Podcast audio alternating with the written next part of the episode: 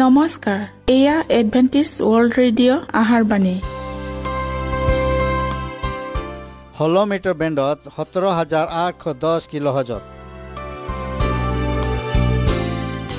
Adventist world radio যোগে অসমীয়া ভাষাত প্ৰচাৰিত আহাৰবাণী প্ৰত্যেক বুধবাৰ আৰু দেওবাৰ সন্ধিয়া সাত বজাত আহাৰবাণী শুনাৰ পিছত আপোনালোকৰ কিবা মন্তব্য আৰু প্ৰশ্ন থাকিলে আমালৈ এই ঠিকনাত লিখক। আমাৰ ঠিকনাটি হৈছে Adventist world radio' seven day Adventist মণ্ডলী অসম শাখা লতাকাটা বশিষ্ট গুৱাহাটী সাত আঠ এক শূন্য দুই ন।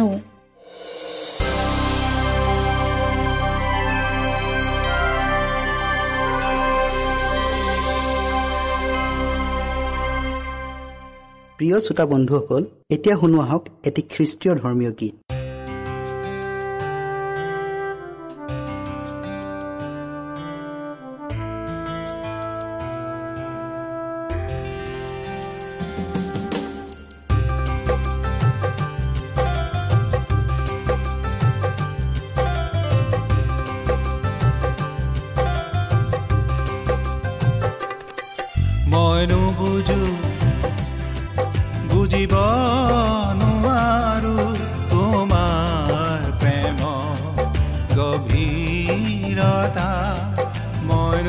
নুবুজো বুজিব নোৱাৰো তোমাৰ প্ৰেম গভীৰতা মাথো মই আজি অবাক হৈ যাওঁ তোমাৰ প্ৰেমৰ কথা যেতিয়া ভাবো মাথো মই আজি অবাক হৈ যাওঁ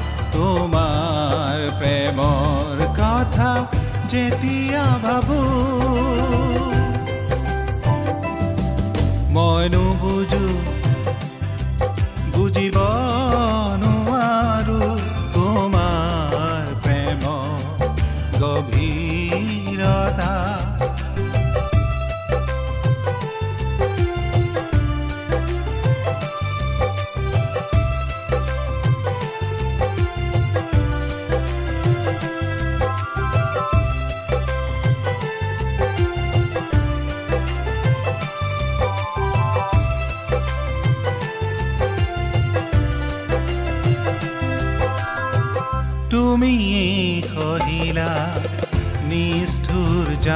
যাতনা ক্ৰুচৰ ওপৰ নিজকে অৰ্পিলা মোৰ পাপৰ বুজা বহন কৰিলা তোমাৰ তেজেৰে মোক উদ্ধাৰিলা তুমি কহিলা নিষ্ঠুৰ যাতনা ক্ৰুচৰ নিজকে অৰ্পিলা মোৰ পাপৰ বুজা বহন কৰিলা।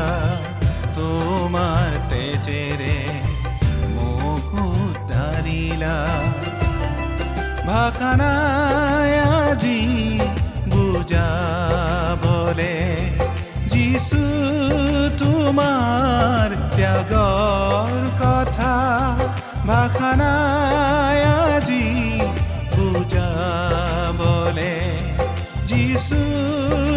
তোমাৰ ত্যাগৰ কথা মই নুবুজো বুজিব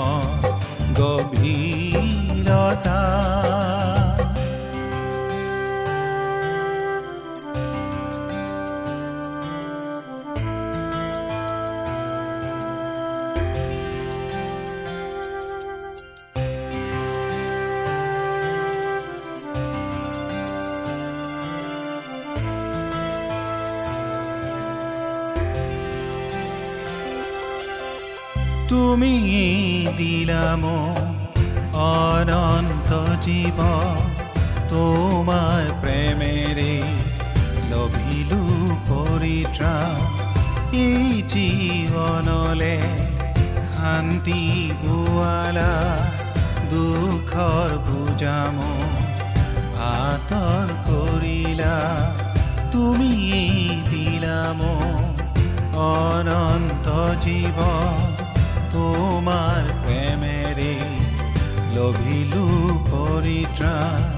এই জীৱনলে শান্তি পোৱালা দুখৰ পূজাম আঁতৰ কৰিলা ভাষা নাই আজি বুজাবলে যিছু তোমাৰ প্ৰেমৰ কথা ভাষা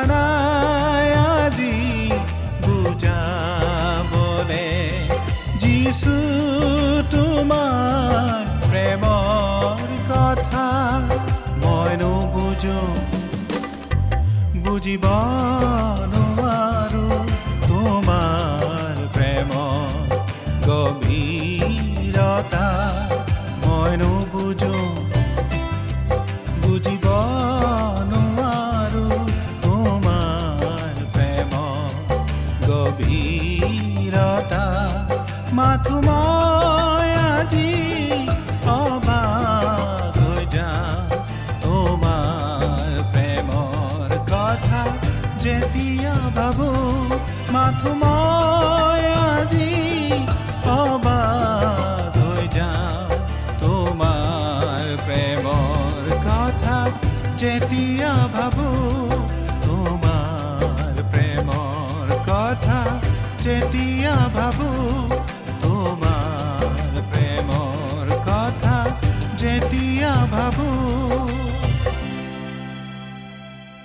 প্ৰিয় শ্ৰোতা বন্ধুসকল আহক আমি খন্তেক সময় বাইবেল অধ্যয়ন কৰোঁ হওক।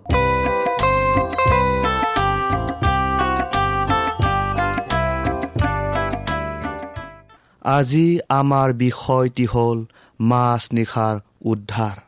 শাস্ত্ৰ পদ লোৱা হৈছে ইয়ব চৌত্ৰিছ অধ্যায়ৰ বিছ পদ। এক নিমিষতে তেওঁবিলাক মৰিব আৰু লোকসমূহ মাছ নিশা আপদত পৰিব আৰু মৃত্যু হ'ব আৰু পৰাক্ৰমীবিলাকক বিনা হাতে নিয়া হ'ব। আমি প্ৰাৰ্থনা কৰোঁ হওক। সেই প্ৰেমময় আৰু আশীৰ্বাদদাতা পিতা তোমাৰ চৰণত আকৌ পৰিছোঁ। প্ৰভু এই সুন্দৰ সময় দিয়াৰ বাবে তোমাক ধন্যবাদ জনাইছোঁ। প্ৰভু এতিয়া আমি বিশেষ বিষয়টিলৈ অধ্যয়ন কৰিবলৈ আগবঢ়াইছোঁ। তুমি আমাক জ্ঞান আৰু বুদ্ধি দিয়া। প্ৰত্যেক শ্ৰোতাৰ লগত তুমি পবিত্ৰ আত্মাৰ যোগেদি থাকা যীশুৰ নামত খুজিলোঁ। আমেন। ঈশ্বৰ সদায় আটাইতকৈ অধমজনকে নিজৰ কৰি ল'বলৈ মনোনীত কৰি আহিছে। যেতিয়া তেওঁবিলাক ছয়তানৰ কবলৰ পৰা উদ্ধাৰ পোৱাৰ কোনো আশা নাথাকে। তেতিয়াই তেওঁ তেওঁবিলাকক উদ্ধাৰ কৰি নিজৰ শক্তি প্ৰদৰ্শন কৰিব বিচাৰে। নিজৰ লোকবিলাকক উদ্ধাৰ কৰিবৰ বাবে মাছ নিশা ঈশ্বৰে নিজ শক্তি প্ৰদৰ্শন কৰিব। সূৰ্যই পূব ফালে উদয় হৈ নিজ শক্তিত পোহৰ বিলায়। চীন আৰু আচৰিত কাৰ্য ইয়াৰ লগতে গমন কৰে। দুষ্টবিলাকে এই দৃশ্যবোৰক ভয় আৰু সন্ত্ৰাসত ভেবা লাগি চাই আনহাতে ধাৰ্মিকসকলে ইয়াক পবিত্ৰ ভক্তি আৰু আনন্দৰে চায় আৰু তেওঁবিলাকৰ উদ্ধাৰৰ সময় আহিল বুলি ইয়াক আঁকোৱালি লয়। এই পৰিঘটনাৰ বাবে প্ৰাকৃতিৰ প্ৰতিটো বস্তুৱে পৰিৱৰ্তন হোৱা যেন লাগিব। নেইজুৰিৰ পানীৰ সোঁত বৈ যোৱা কাৰ্য বন্ধ হ'ব। দুৰ্ঘৰ কলা আৰু অতি ঘন মেঘে সকলোকে ঢাকি ল'ব আৰু ইজনে সিজনক চিনি নোপোৱা কৰিব। এনে প্ৰচণ্ড ক্ৰোধৰ মাজত স্বৰ্গৰ অবৰ্ণনীয় মহিমা স্পষ্ট ৰূপত দেখা পোৱা যাব। আৰু বহু পানীৰ মাতৰ দৰে ঈশ্বৰৰ মাত শুনিবলৈ পোৱা যাব। ঈশ্বৰৰ এই মাতত আকাশৰ শক্তিবোৰ কঁপি উঠিব। তেতিয়া সূৰ্য চন্দ্ৰ আৰু তৰাবোৰ নিজ নিজ স্থানৰ পৰা ওলাই আহিব। ইহঁত নাইকিয়া নহ'ব। কিন্তু ঈশ্বৰৰ মাতত বৰকৈ কঁপি উঠিব। দুৰ্ঘৰ কলা আৰু অতি ঘন মেঘ আহি সকলোকে ঢাকি পেলাব।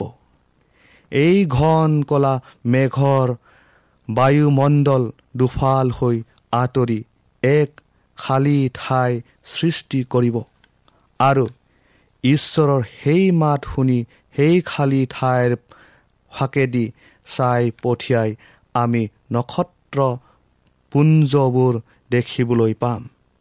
মানুহবিলাকে ঈশ্বৰৰ মাত শুনাৰ পাছত তেওঁবিলাকে কোনো কালেও অনুভৱ নকৰা আৰু দেশত কোনো কালেও নঘটা এনে নিৰাশা আৰু আপদ অনুভৱ কৰিব যাৰ বাবে সিহঁত বিহল হৈ পৰিব।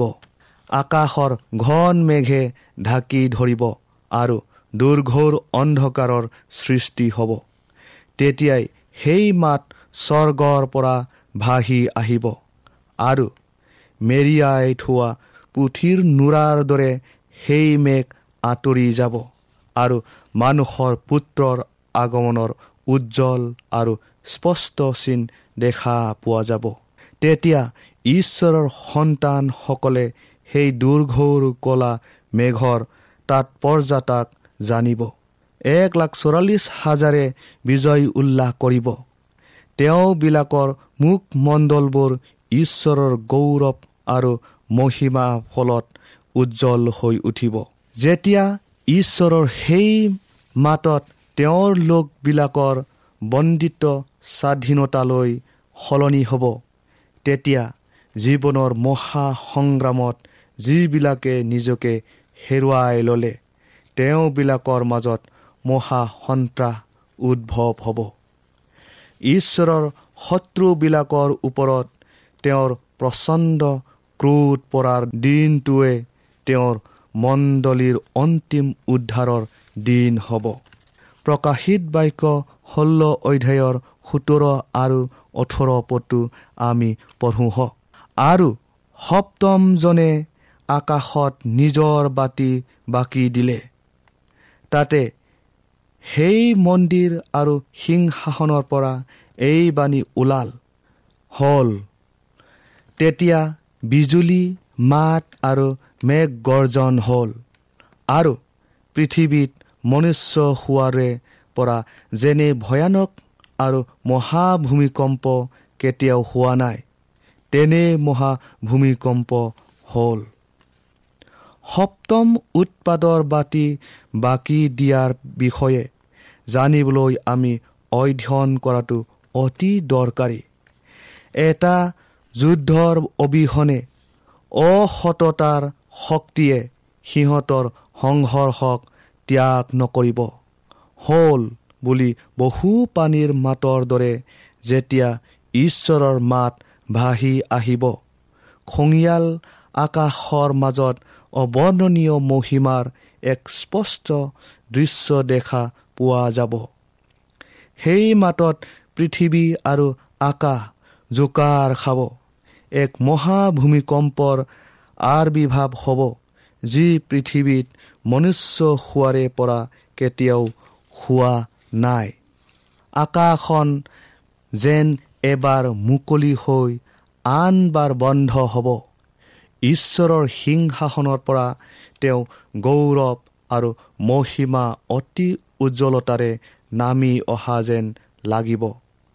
বতাহত কঁপি উঠা এডাল ঘাঁহৰ দৰে পৰ্বতবোৰ কঁপি উঠিব আৰু প্ৰকাণ্ড প্ৰকাণ্ড শিলবোৰ চূৰ্ণ বিচূৰ্ণ হৈ চিটিকি গৈ সিঁচৰিত হ'ব। মহা ধুমুহা অহাৰ দৰে এক ভয়ংকৰ শব্দ শুনিবলৈ পোৱা যাব। সাগৰ ভয়ানকভাৱে উখল মাখল কৰিব। সৰ্বনাশৰ দানৱৰ মাতৰ দৰে গৰম বতাহ অহাৰ শব্দ শুনিবলৈ পোৱা যাব। সাগৰৰ ঢৌ দৰে সমুদায় পৃথিৱী থলং পলং হ'ব। ইয়াৰ ভূপৃষ্ঠ ফাটি চিৰা চিৰ হ'ব। ইয়াৰ প্ৰতিটো ভেটি খহি যেন চাৰ খাৰ হ'ব তেনে অনুমান হ'ব। পৰ্বতবোৰ খহি পোত খাব। জনবসতিপূৰ্ণ অঞ্চলবোৰ নাইকিয়া হ'ব। দুষ্টতাৰ বাবে চদুমৰ যি অৱস্থা হৈছিল তেনেদৰে দুষ্টতাৰ বাবে জাহাজৰ বন্দৰবোৰক খঙিয়াল পানীৰ সোঁতে একেবাৰে গিলি পেলাব। প্ৰিয় শ্ৰোতা বন্ধুসকল ঈশ্বৰে মহাবাবিলক তেতিয়া সোঁৱৰণ কৰিব আৰু তেওঁৰ প্ৰচণ্ড ক্ৰোধ ৰূপ দ্ৰাকাৰসেৰে পৰিপূৰ্ণ পাণ পাত্ৰ তাইক দিব। মানুহৰ ওপৰত আকাশৰ পৰা এমোন এমোন গধুৰ ওজনৰ মহাশিলাবৃষ্টি পৰিব আৰু পৃথিৱী নিবাসীসকল সমূলি নিপাত কৰা হ'ব। কাৰণ তেওঁবিলাকে ঈশ্বৰক তেওঁৰ বিধান লংঘন কৰাৰ দ্বাৰাই নিন্দা কৰিলে। জগতৰ সম্ভ্ৰান্ত মহানগৰবোৰ লজ্জিত হৈ মূৰ দুৱাৰ লাগিব। সেই জাক জমকতাৰ অতি সন্মানীয় ঠাইবোৰ য'ত জগতৰ মানুহে নিজকে মহান কৰিবলৈ নিজৰ সা সম্পত্তি সঞ্চয় কৰিছিল। সেইবোৰ সিহঁতৰ চকুৰ আগতে ভাঙি ছিঙি ধূলিখ্যাত হৈ যাব। প্ৰিয়সকল কাৰাগাৰৰ প্ৰাচীৰ ভাঙি খহি পৰিব আৰু ঈশ্বৰৰ লোকসকল যিসকল তেওঁবিলাকৰ বিশ্বাসৰ বাবে বন্দী কৰি ৰখা হৈছিল।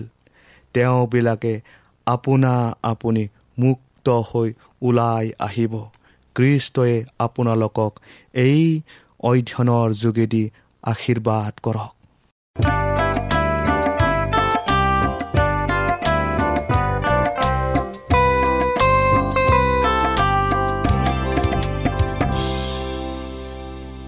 ইমানপৰে আমি বাইবেল অধ্যয়ন কৰিলোঁ। এতিয়া আকৌ শুনো আহক এটি খ্ৰীষ্টীয় ধৰ্মীয় গীত।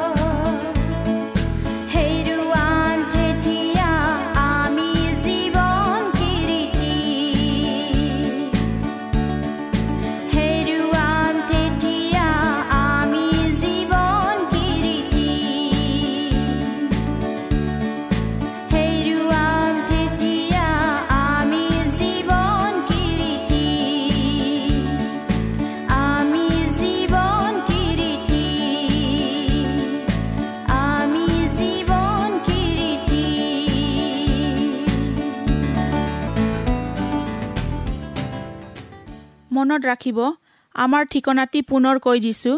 Adventist world radio' Assam region of seven day Adventist voice of hope Latakata Basistha Guwahati seven eight one zero' two nine প্ৰিয় শ্ৰোতা বন্ধুসকল এডভেণ্টিজ ৱৰ্ল্ড ৰেডিঅ' যোগে আহাৰবাণী প্ৰচাৰত আপোনালোকক পুনৰ লগ পোৱাৰ আহাৰে আজিলৈ সামৰিলোঁ। ধন্যবাদ।